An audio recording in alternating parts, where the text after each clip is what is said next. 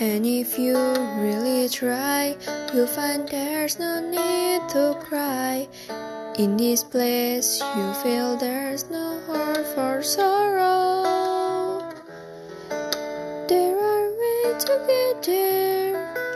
If you care enough for the living, make a little space, make a better place, heal the world,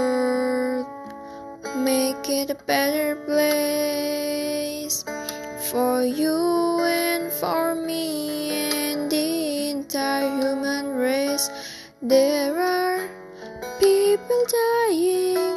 If you care enough for the living, make a better place for you and for me.